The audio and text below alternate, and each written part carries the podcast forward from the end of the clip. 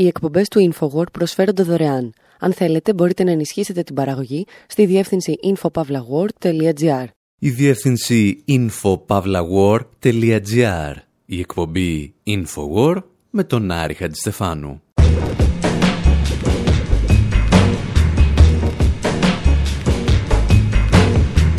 όπου σήμερα ακούμε 4-5 τραγούδια και βλέπουμε 3-4 ταινίες για το σκάκι.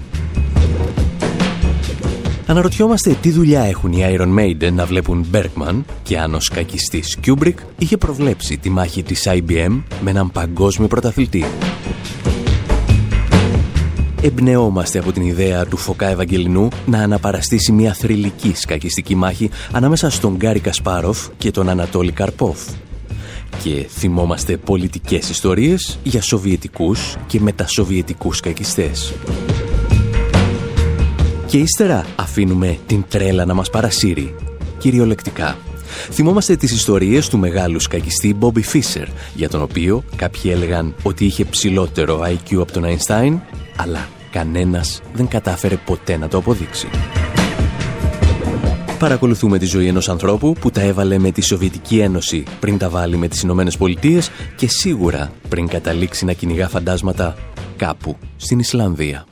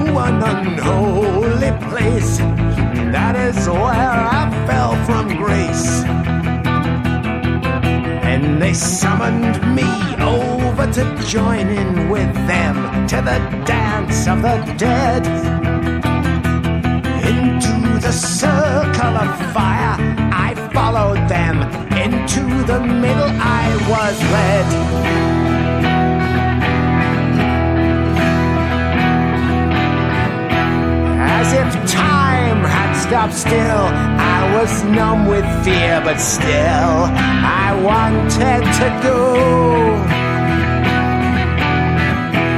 And the blaze of the fire did no hurt upon me as I walked onto the coals.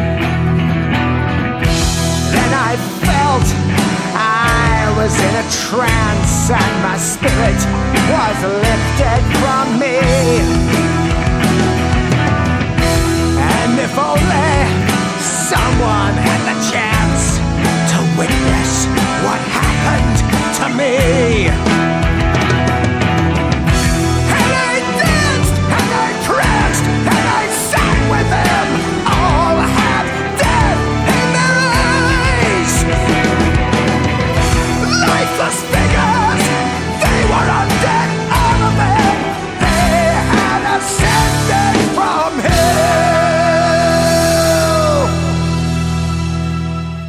Οι Iron Maiden εμπνέονται από ένα από τα αριστουργήματα του κινηματογράφου για να τραγουδήσουν για μια μάχη μέχρι θανάτου, σχεδόν κυριολεκτικά.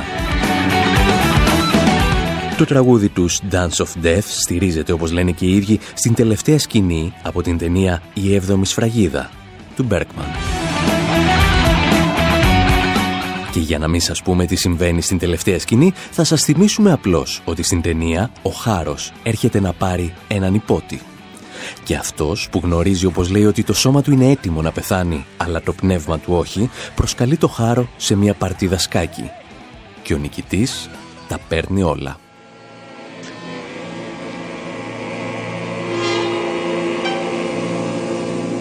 Vänta ett ögonblick. Så säger ni alla. Men jag lämnar inga uppskov. Du spelar ju schack, inte sant? Ο Μπέρκμαν, όπως και η Iron Maiden, είναι μερικοί μόνο από τους δεκάδες καλλιτέχνες που εμπνέονται από το σκάκι στα έργα τους. Και αυτό ακριβώς σκέφτηκε να κάνει την προηγούμενη εβδομάδα στην Αθήνα και ο Φωκάς Ευαγγελινός, αναπαραστώντας μια πραγματική παρτίδα σκάκι που είχαν δώσει στο παρελθόν ίσως οι δύο καλύτεροι σκακιστές της ιστορίας, ο Ανατόλη Καρπόφ και ο Γκάρι Κασπάροφ. Πριν φτάσουμε όμως εκεί, έχουμε μερικές ακόμη ταινίες να θυμηθούμε για το σκάκι.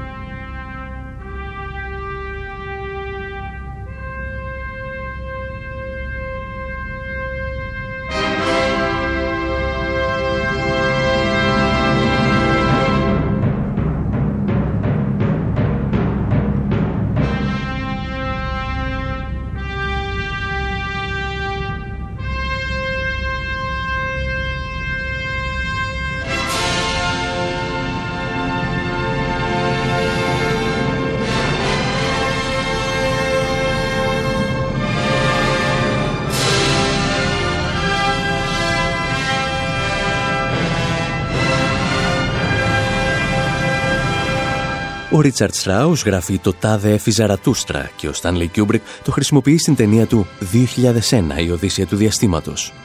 Και εμείς τα θυμόμαστε όλα αυτά για εκείνη την πολύ μικρή σκηνή όπου ένας αστροναύτης, ο Dr. Frank Poole, παίζει μια παρτίδα σκάκι με τον υπερυπολογιστή HAL 9000. Η συγκεκριμένη παρτίδα δεν υπήρχε ποτέ στο έργο του Άρθουρ Κλάρκ, στο οποίο στηρίχθηκε το σενάριο. Ο Κλάρκ ανέφερε απλώς ότι ο υπερυπολογιστής θα μπορούσε θεωρητικά να παίξει τέτοιου είδους παιχνίδια και μάλιστα ότι θα έχανε επίτηδες στο 50% των περιπτώσεων, ώστε να μην πέφτει το ηθικό των ανθρώπων μέσα στο διαστημόπλιο. Ο Κιούμπρικ όμως, φανατικός σκακιστής και ο ίδιος, όχι μόνο προσθέτει το παιχνίδι, αλλά βάζει τους ήρωες να παίζουν μια συγκεκριμένη παρτίδα που είχαν παίξει το 1910 στο Αμβούργο δύο μάστερ της εποχής, ο Ρόες και ο Σλάτζ. Uh, rook to king one. I'm sorry, Frank. I think you missed it. Queen to bishop three. Bishop takes queen. Knight takes bishop. Mate.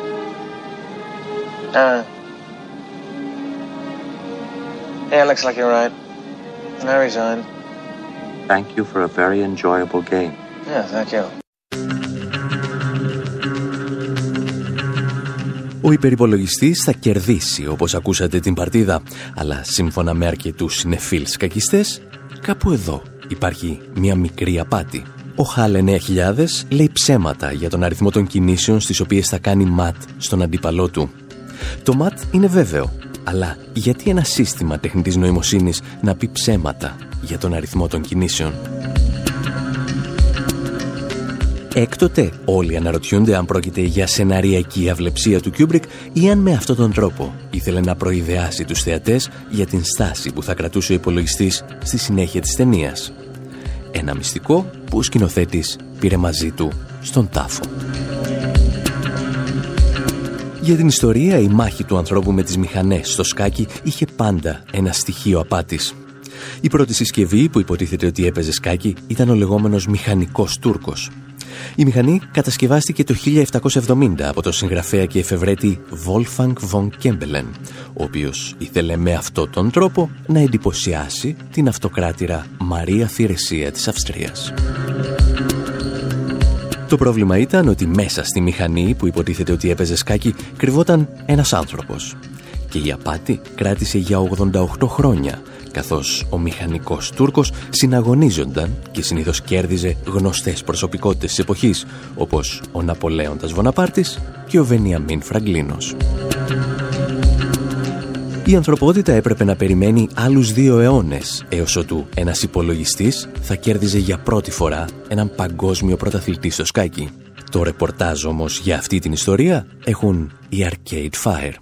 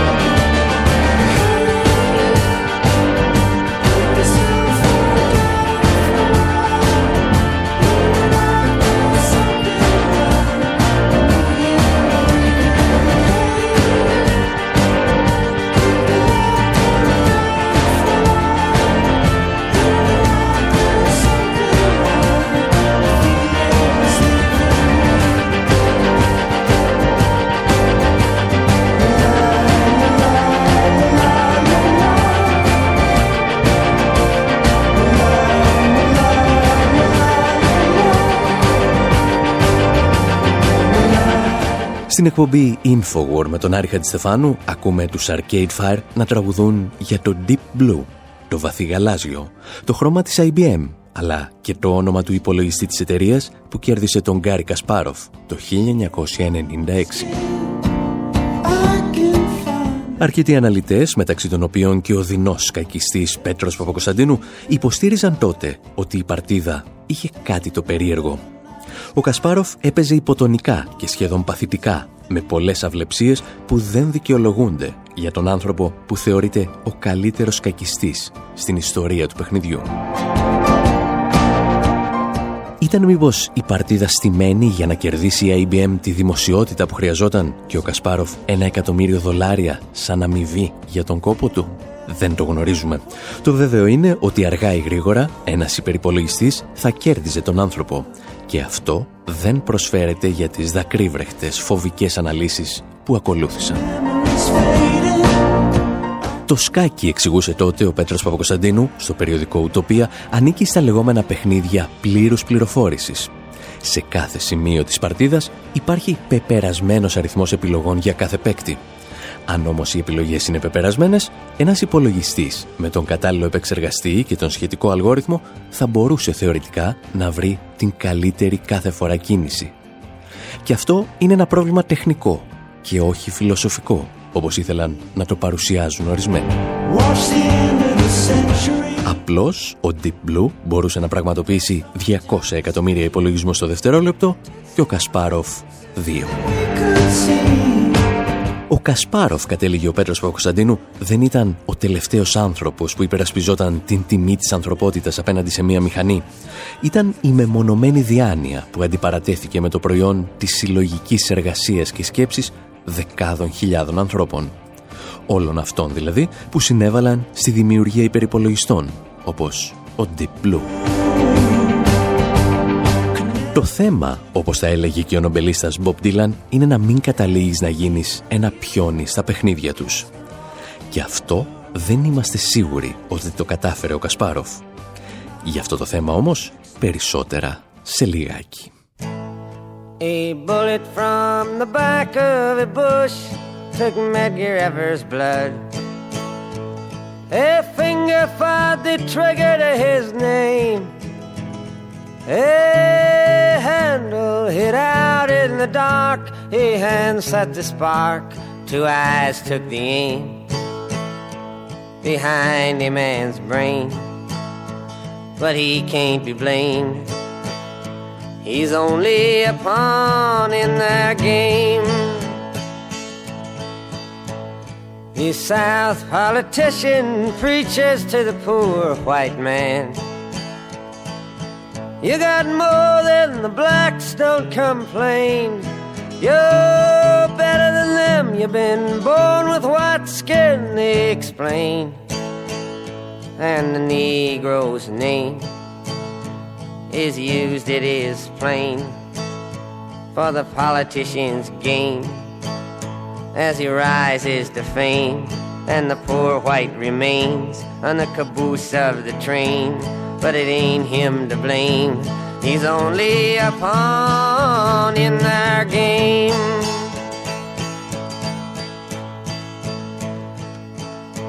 The deputy sheriffs, the soldiers, the governors get paid.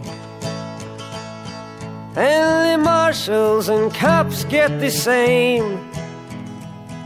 But the poor white man's used in the hands of them all like a tool. He's taught in his school from the start by the rule that the laws are with him to protect his white skin, to keep up his heat, so he never thinks straight about the shape that he's in. But it ain't him to blame, he's only a pawn in their game. Στην εκπομπή Infowar με τον Άρη Χατζηστεφάνου ακούμε τον Bob Dylan να περιγράφει με σκακιστική ορολογία τη δολοφονία του Medgar Evers, ενός μαύρου αγωνιστή, ο οποίος δολοφονήθηκε από μέλος της Ku Klux Klan στο Μισισιπί το 1963. Συμπτωματικά τη χρονιά που γεννήθηκε ο Γκάρι Κασπάροφ. Εμείς θυμηθήκαμε τον Κασπάροφ γιατί επισκέφθηκε την Αθήνα για να συμμετάσχει στη χωροθεατρική παράσταση του Φωκά Ευαγγελινού. 32 ηθοποιοί υποδίονταν τα πιόνια και τα κομμάτια στη σκακέρα, αναπαριστώντας μια θρηλυκή μάχη που έδωσε στις αρχές της δεκαετίας του 90 ο Γκάρι Κασπάροφ απέναντι στον Ανατόλη Καρπόφ. Οι δύο μεγαλύτεροι σκακιστές του 21ου αιώνα, ίσως και των προηγούμενων, εκπροσωπούσαν τους δύο διαφορετικούς κόσμους που γνώρισε η Ευρώπη πριν και μετά την κατάρρευση της Σοβιετικής Ένωσης. Ο Καρπόφ θα μεσουρανίσει μέχρι τα μέσα της δεκαετίας του 80, όταν ο Ρόναλτ Ρίγκαν ανεβάζει και πάλι το θερμόμετρο των Αμερικανο-Σοβιετικών σχέσεων. Η κόπωσή του όμως είναι πλέον εμφανής και το ίδιο φαίνεται να συμβαίνει και για το σύνολο της Σοβιετικής Ένωσης. Ο Γκάρι Κασπάροφ, απ' την άλλη, είναι πλέον το ανερχόμενο αστέρι στο παγκόσμιο σκακιστικό στερέωμα. Κερδίζει τον τίτλο του παγκόσμιου πρωταθλητή και εγκαινιάζει μια νέα εποχή που υπόσχεται σε ορισμένους το τέλος της ιστορίας. Ο Κασπάροφ αγκαλιάζει από την πρώτη στιγμή το ληστρικό καθεστώς του Μπόρις Γέλτσιν, αλλά και αρκετές από τις μη κυβερνητικές οργανώσεις που φτάνουν στη Ρωσία με πρόσχημα την ανάγκη εκδημοκρατισμού της χώρας. Μετατρέπεται λοιπόν σε κόκκινο πανί για τον Πούτιν και το πληρώνει ακριβά, με συνεχείς παρενοχλήσεις από το κράτος και το παρακράτος της Μόσχας. Και ο ίδιος απλώς μετατρέπει το σκάκι σε ένα πολιτικό όπλο, αλλά και σε ένα μέσο πλουτισμού. Αντί για μερικά ακόμη κομμάτια, θυσιάζει το ίδιο το παιχνίδι. Εσείς πάλι μένετε εδώ, γιατί όλες αυτές οι ιστορίες μας φέρνουν στο μυαλό και έναν άλλο τρελό βασιλιά της κακέρας. Στο δεύτερο μέρος της εκπομπής συζητάμε για τον Μπόμπι Φίσερ, τον άνθρωπο που γεννήθηκε Αμερικανός και Εβραίος και πέθανε Ισλανδός και αντισημίτης.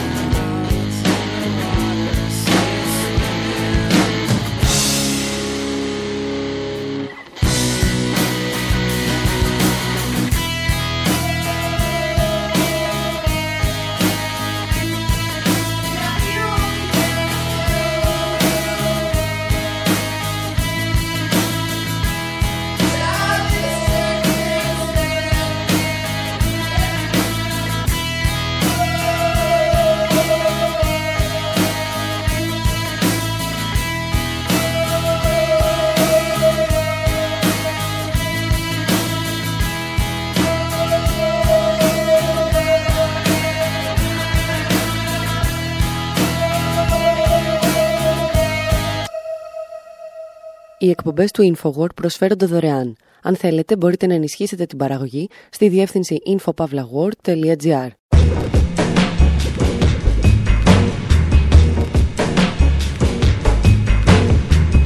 Η εκπομπή InfoWord με τον Άρη Χατζηστεφάνου. Ο που σήμερα τραγουδάμε για τον Bobby Fischer, έναν άνθρωπο που κατάφερε να εξευτελίζει κάθε του αντίπαλο, ακόμη και τον ίδιο του τον εαυτό.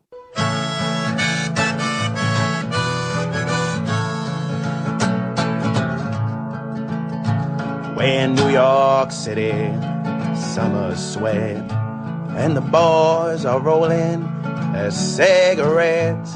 The girls are singing into their phones, but Bobby Fisher is all alone. The parks are buzzing with the birds and the bees. Friends are hugging in twos and threes. Lovers are kissing and exchanging their rings, but Bobby Fisher's playing 18 kings. They're screaming and crying at the YMCA. Bobby, Bobby, why'd you go away? His mother is whispering wide and low. Bobby, Bobby, where did you go?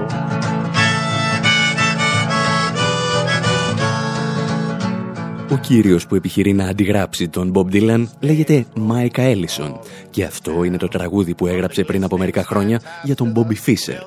Είναι η μπαλάντα του Bobby Fischer.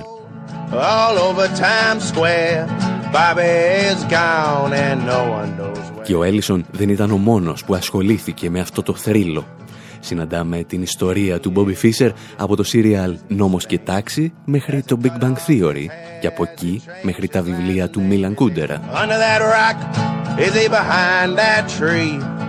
Για τις Ηνωμένες Πολιτείες, ο Φίσερ ήταν ο Grand Master του σκακιού που τερμάτισε την παντοκρατορία της Σοβιετικής Ένωσης. Ήταν επίσης ένας άνθρωπος που γεννήθηκε Εβραίος και Αμερικάνος, αλλά προτίμησε να πεθάνει Ισλανδός και αντισημίτης. Και αυτή εδώ είναι η ιστορία του.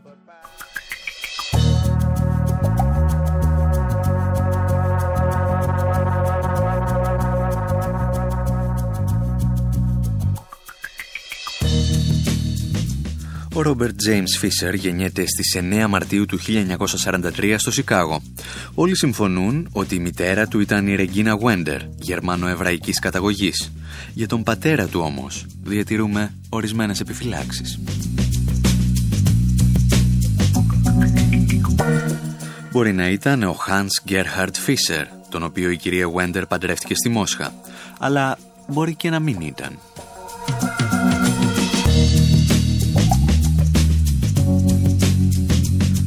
Αυτό που μας ενδιαφέρει είναι ότι στην ηλικία των 6 ετών ο μικρός Μπόμπι βούτυξε από την αδερφή του ένα φυλάδιο με βασικές οδηγίες για το σκάκι, το οποίο αυτή είχε βρει σε μια συσκευασία με γλυκά.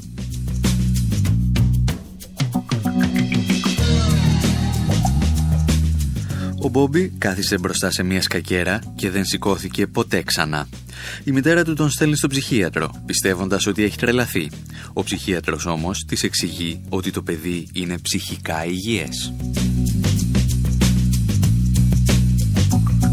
Τρομακτικά λάθος διάγνωση, όπως θα διαπιστώσουμε μερικές δεκαετίες αργότερα.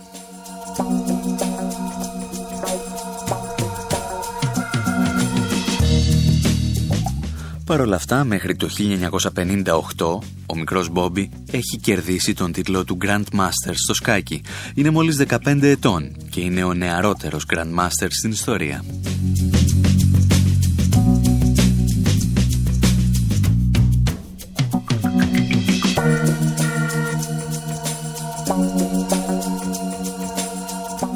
Λίγο αργότερα θα παραστρατήσει ελαφρώς και θα σκεφτεί να εγκαταλείψει το σκάκι καθώς αποφασίζει να αναζητήσει το Θεό. Τον αναζητά αρχικά στα Ερτζιανά, όπου ακούει έναν από τους διασημότερους ραδιοευαγγελιστές, τον Herbert Armstrong, ιδρυτή της Παγκόσμιας Εκκλησίας του Θεού. Κάτι σαν τη διεθνή των Ευαγγελιστών.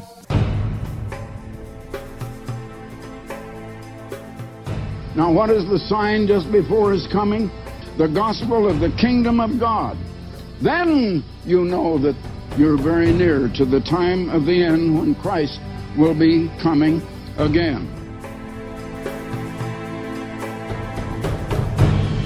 Ευτυχώς για την ανθρωπότητα και για το σκάκι ο δρόμος του Μπόμπι Φίσερ προς το Θεό είναι κλειστός λόγω έργων οδοποιίας. Η μπίζνα του Άρμστρονγκ πέφτει έξω. Κάτι οι προφητείες που δεν του κάθισαν, κάτι ο γιος του που βρέθηκε μπλεγμένος σε σεξουαλικά σκάνδαλα και ο νεαρός Φίσερ αποφασίζει να τον εγκαταλείψει και μαζί τη θρησκεία. Να τα εγκαταλείψει για κάτι πιο σοβαρό όπως πιστεύει, για το σκάκι.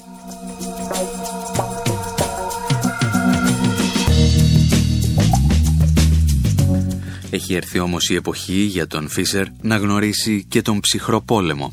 Μια ιστορία που θα διηγηθούμε ύστερα από το πρώτο μικρό μας διάλειμμα. Παραμένουμε η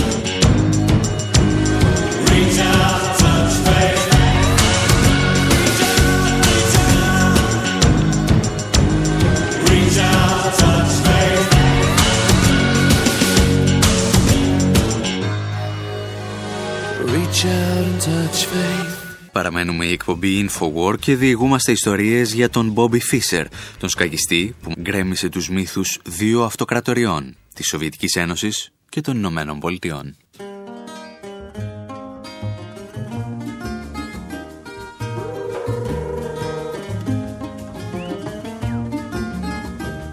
Έχουμε φτάσει στο έτος 1965 και ο Μπόμπι θέλει να ταξιδέψει στην Κούβα για να λάβει μέρος στο τουρνουά Καπαμπλάνκα, όπου Καπαμπλάνκα ήταν ο θρηλυκός κακιστής και διπλωμάτης της Κούβας, ο επωνομαζόμενος και Μότσαρτ της Κακέρας.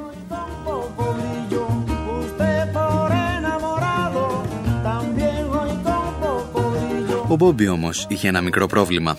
Ως Αμερικανός πολίτης δεν μπορούσε να ταξιδέψει στην Κούβα και έτσι έπαιξε την παρτίδα στέλνοντας τηλεγραφήματα και ήρθε δεύτερος πίσω από τον παγκόσμιο πρωταθλητή, τον Σοβιετικό Βασίλη Σμάισλοφ.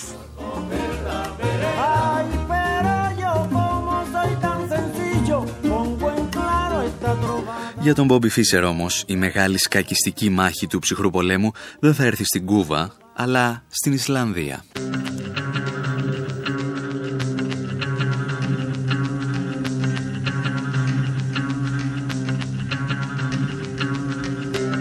Βρισκόμαστε πλέον στο 1972 και αν πιστέψουμε τα δελτία ειδήσεων της εποχής, αγαπημένο άθλημα των υπερδυνάμεων δεν είναι το σκάκι, αλλά το πινκ-πονγκ. with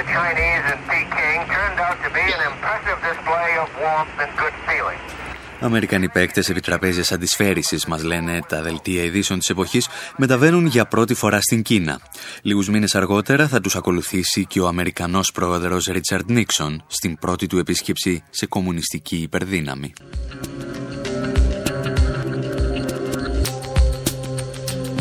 Την ίδια χρονιά ο Νίξον θα επισκεφθεί και τη Μόσχα για να συναντήσει από κοντά τον Μπρέσνιεφ. Λίγες χιλιάδες χιλιόμετρα μακρύτερα, μεσουρανή και η περίφημη Ostpolitik του δυτικογερμανού ηγέτη Βίλι Μπραντ, η προσπάθεια προσέγγισης δηλαδή με την Ανατολική Γερμανία.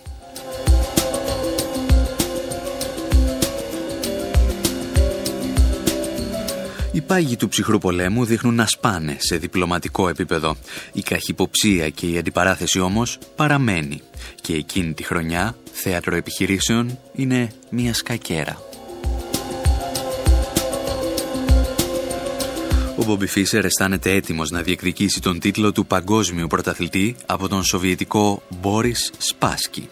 Μας τα εξηγούσε το ντοκιμαντέρ Anything to Win, τα πάντα για την νίκη. The Cold War showdown sparked spectacular international interest. Η αντιπαράθεση του ψυχρού πολέμου προσέδωσε τεράστιο διεθνές ενδιαφέρον για αυτή την πατρίδα. Η Ισλανδία κέρδισε το δικαίωμα να φιλοξενήσει τον αγώνα, προσφέροντας ως έπαρθλο το ποσό των 125.000 δολαρίων. Ο Μπόμπι όμως δεν υπέγραψε το συμβόλαιο. Χιλιάδες θεατές συγκεντρώθηκαν στο Ρέκιαβικ, αλλά όταν ξεκίνησε η τελετή έναρξης έλειπε ένας άνθρωπος. Ο παγκόσμιος πρωταθλητής Μπόρις Πάσκι ήταν εκεί. Ο Αμερικανός πρέσβης και ο πρόεδρος της Ισλανδίας ήταν εκεί και υπήρχε μόνο μια κενή καρέκλα. Η καρέκλα του ανθρώπου που θα διεκδικούσε τον τίτλο. Και αυτός βρισκόταν στη Νέα Υόρκη διαπραγματευόμενος τη συμφωνία.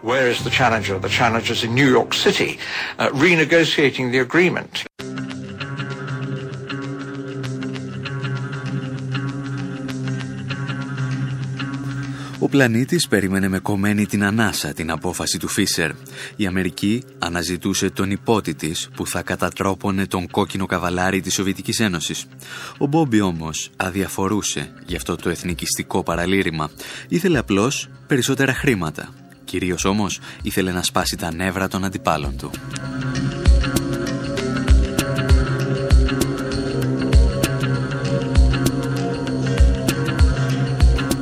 Τότε κάποιος προσφέρθηκε να μεσολαβήσει. Then a wealthy British chess fan called Bobby out. Τότε ένας εύπορος φίλος του αθλήματος προσκάλεσε τον Bobby. Προσφέρθηκε να διπλασιάσει το έπαθλο. Τον προκάλεσε ανοιχτά. Ήταν σαν να του έλεγε «Έλα κότα, αν σε ενδιαφέρουν μόνο τα χρήματα, έλα και παίξε γι' αυτά». If it's about prize money, come out and play.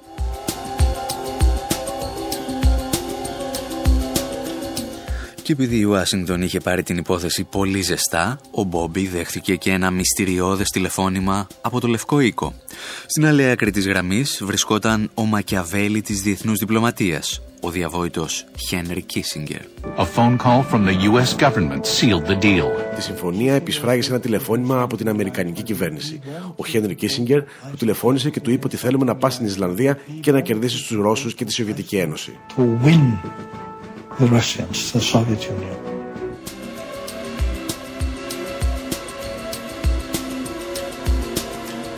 Όσοι πίστεψαν όμως ότι ένας διπλωματίσκος όπως ο Χένρι Κίσιγκερ θα μπορούσε να πείσει τόσο απλά τον Grand Master Bobby Fischer, έκαναν λάθος. Ο Μπόμπι πήγε στην αίθουσα και δεν του άρεσε η σκακέρα. Έλεγε ότι το κοινό βρισκόταν πολύ κοντά στους κακιστές. Δεν του άρεσε ούτε ο φωτισμός.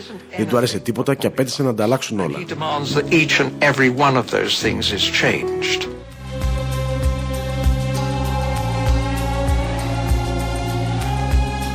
Ο ψυχίατρος που είχε εξετάσει τον Φίσερ στην τρυφερή ηλικία των 6 ετών ίσως να είχε αναθεωρήσει τώρα την διάγνωσή του. Η Δύση είχε να αποθέσει τις ελπίδες της σε έναν τρελό και ήταν διατεθειμένη να του κάνει όλα τα χατήρια προκειμένου να τον δει να κουνά τα αναθεματισμένα πιόνια του.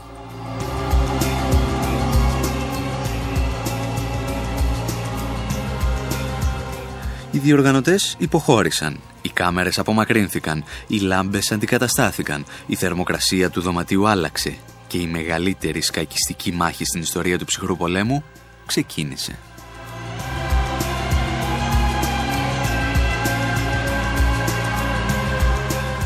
Ο Φίσερ μετέτρεψε την αντιπαράθεση σε ψυχολογικό θρίλερ.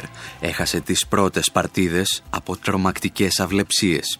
Είχε κατορθώσει όμως το ακατόρθωτο. Είχε κάνει τα νεύρα του αντιπάλου του κουρέλια. Και τότε αποφάσισε να τον εξαφανίσει από το σκακιστικό στερέωμα. Και τα κατάφερε. Η σοβιετική σκακιστική παράδοση δεκαετιών είχε ιτηθεί για πρώτη φορά από έναν Αμερικανό πολίτη.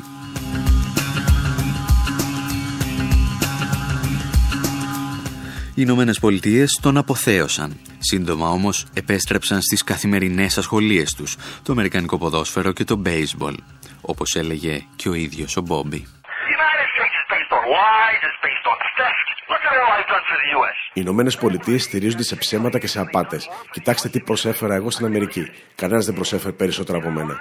Το 1972, όταν κέρδισα το παγκόσμιο πρωτάθλημα στο σκάκι, όλοι πίστευαν ότι στην Αμερική ξέρουν μόνο από αμερικανικό ποδόσφαιρο και baseball. Και εγώ άλλαξα αυτή την εικόνα. Τότε τους ήμουν χρήσιμος λόγω του ψυχρού πολέμου. Αλλά τώρα δεν με χρειάζονται πια. Ο ψυχρός πόλεμος τελείωσε και θέλουν να με εξαφανίσουν. Κλέβουν τα υπάρχοντά μου και με βάζουν στη φυλακή.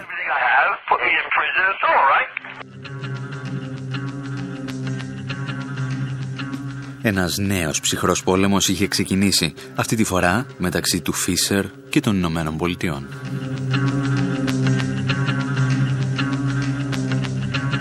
Η αντιπαράθεση θα φτάσει στα άκρα το 1992. Ο Φίσερ θέλει να λάβει μέρος σε μία ακόμη διοργάνωση εναντίον του Σπάσκι, στην πρώην Γιουγκοσλαβία. Η χώρα όμως βρίσκεται υπό διεθνή απομόνωση. Η Ουάσιγκτον τον ενημερώνει με επιστολή της ότι δεν μπορεί να ταξιδέψει στο Βελιγράδι και αυτός απαντά δημοσίως κάπως έτσι. Αυτή είναι η απάντησή μου στη διαταγή να μην υπερασπιστώ τον τίτλο μου. Αν δεν ακούσατε καλά, έφτισε την επιστολή και ξεκίνησε για την πρώην Ιουγκοσλαβία.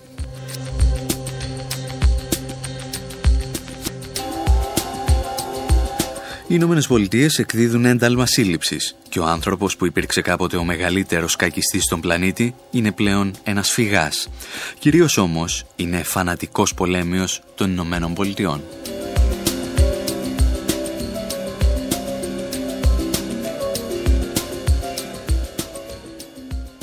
It, it sounds to me like we... Jane, we're just getting a report that there's been an attack on the Pentagon. This is the Pentagon. This is, this is from the network. This, these are pictures that have just come Την 11η Σεπτεμβρίου του 2001, όταν όλα τα βλέμματα είναι στραμμένα στους δίδυμους πύργους και στο Πεντάγωνο, ο Μπόμπι δίνει μια συνέντευξη σε έναν ασήμαντο σταθμό στις Φιλιππίνες. Πώς αισθάνεστε για τις επιθέσεις στη Νέα Υόρκη, τον ρωτά ο παρουσιαστής. Και αυτός απαντά χωρίς δεύτερη σκέψη.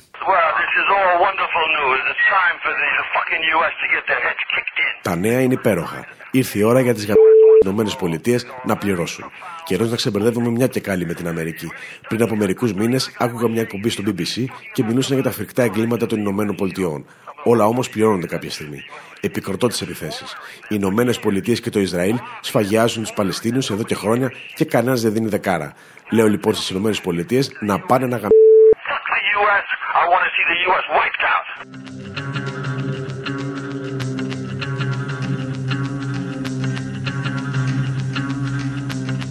Η συνέντευξη μετατρέπεται μέσα σε λίγα λεπτά σε ένα συνειρμικό παραλήρημα. Ο Φίσερ εύχεται να γίνει πραξικόπημα στις Ηνωμένες Πολιτείες και καλεί τους Αμερικανούς στρατηγούς να σκοτώσουν, όπως λέει, εκατοντάδες χιλιάδες Εβραίους. Παρ' όλα αυτά, έχει και ορισμένες στιγμές διάβγειας. Βλέπουμε ότι τελικά οι Ηνωμένες Πολιτείες δεν είναι τόσο ισχυρές όσο πιστεύαμε. Οι αεροπειρατείες αποτελούσαν μια τεράστια επιχείρηση στην οποία ίσως συμμετείχαν εκατοντάδες άτομα και οι φοβερές Ηνωμένες Πολιτείες δεν ήξεραν τίποτα γι' αυτό.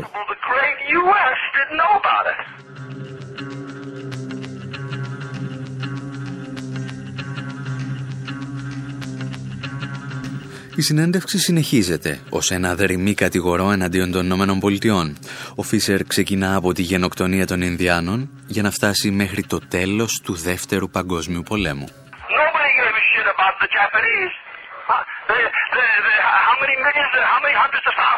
Κανένας δεν ενδιαφέρθηκε για τους Ιάπωνες. Πόσους εκατοντάδες χιλιάδες ανθρώπους σκότωσαν οι Ηνωμένες Πολιτείες με τις ατομικές βόμβες; Και το δικαιολόγησαν με γελία επιχειρήματα ότι δίθεν έτσι σώθηκαν ζωές εκατομμυρίων Αμερικανών, ενώ η Ιαπωνία συνδικολογούσε σε λίγες εβδομάδε ή μήνες.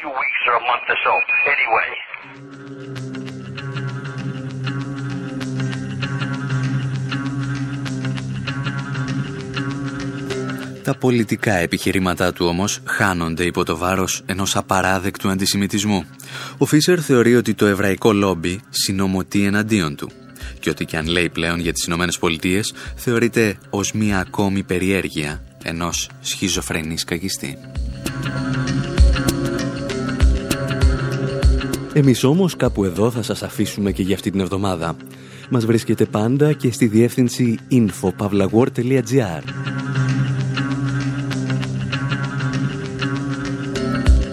τον Άρη Χαντιστεφάνου στο μικρόφωνο και τον Δημήτρη Σταθόπουλο στην τεχνική επιμέλεια, γεια σας και χαρά σας.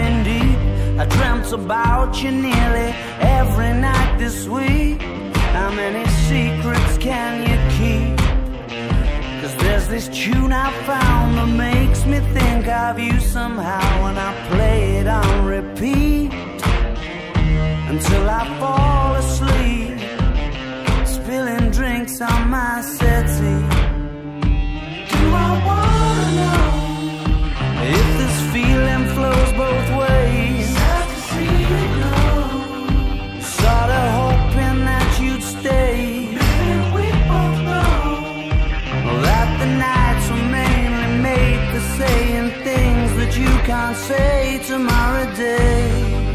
Crawling back to you.